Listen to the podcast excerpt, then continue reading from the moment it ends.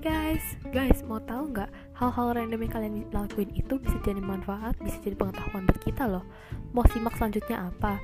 Stay tune terus di My Random Things podcast hosted by MC Ray. Sekian terima kasih.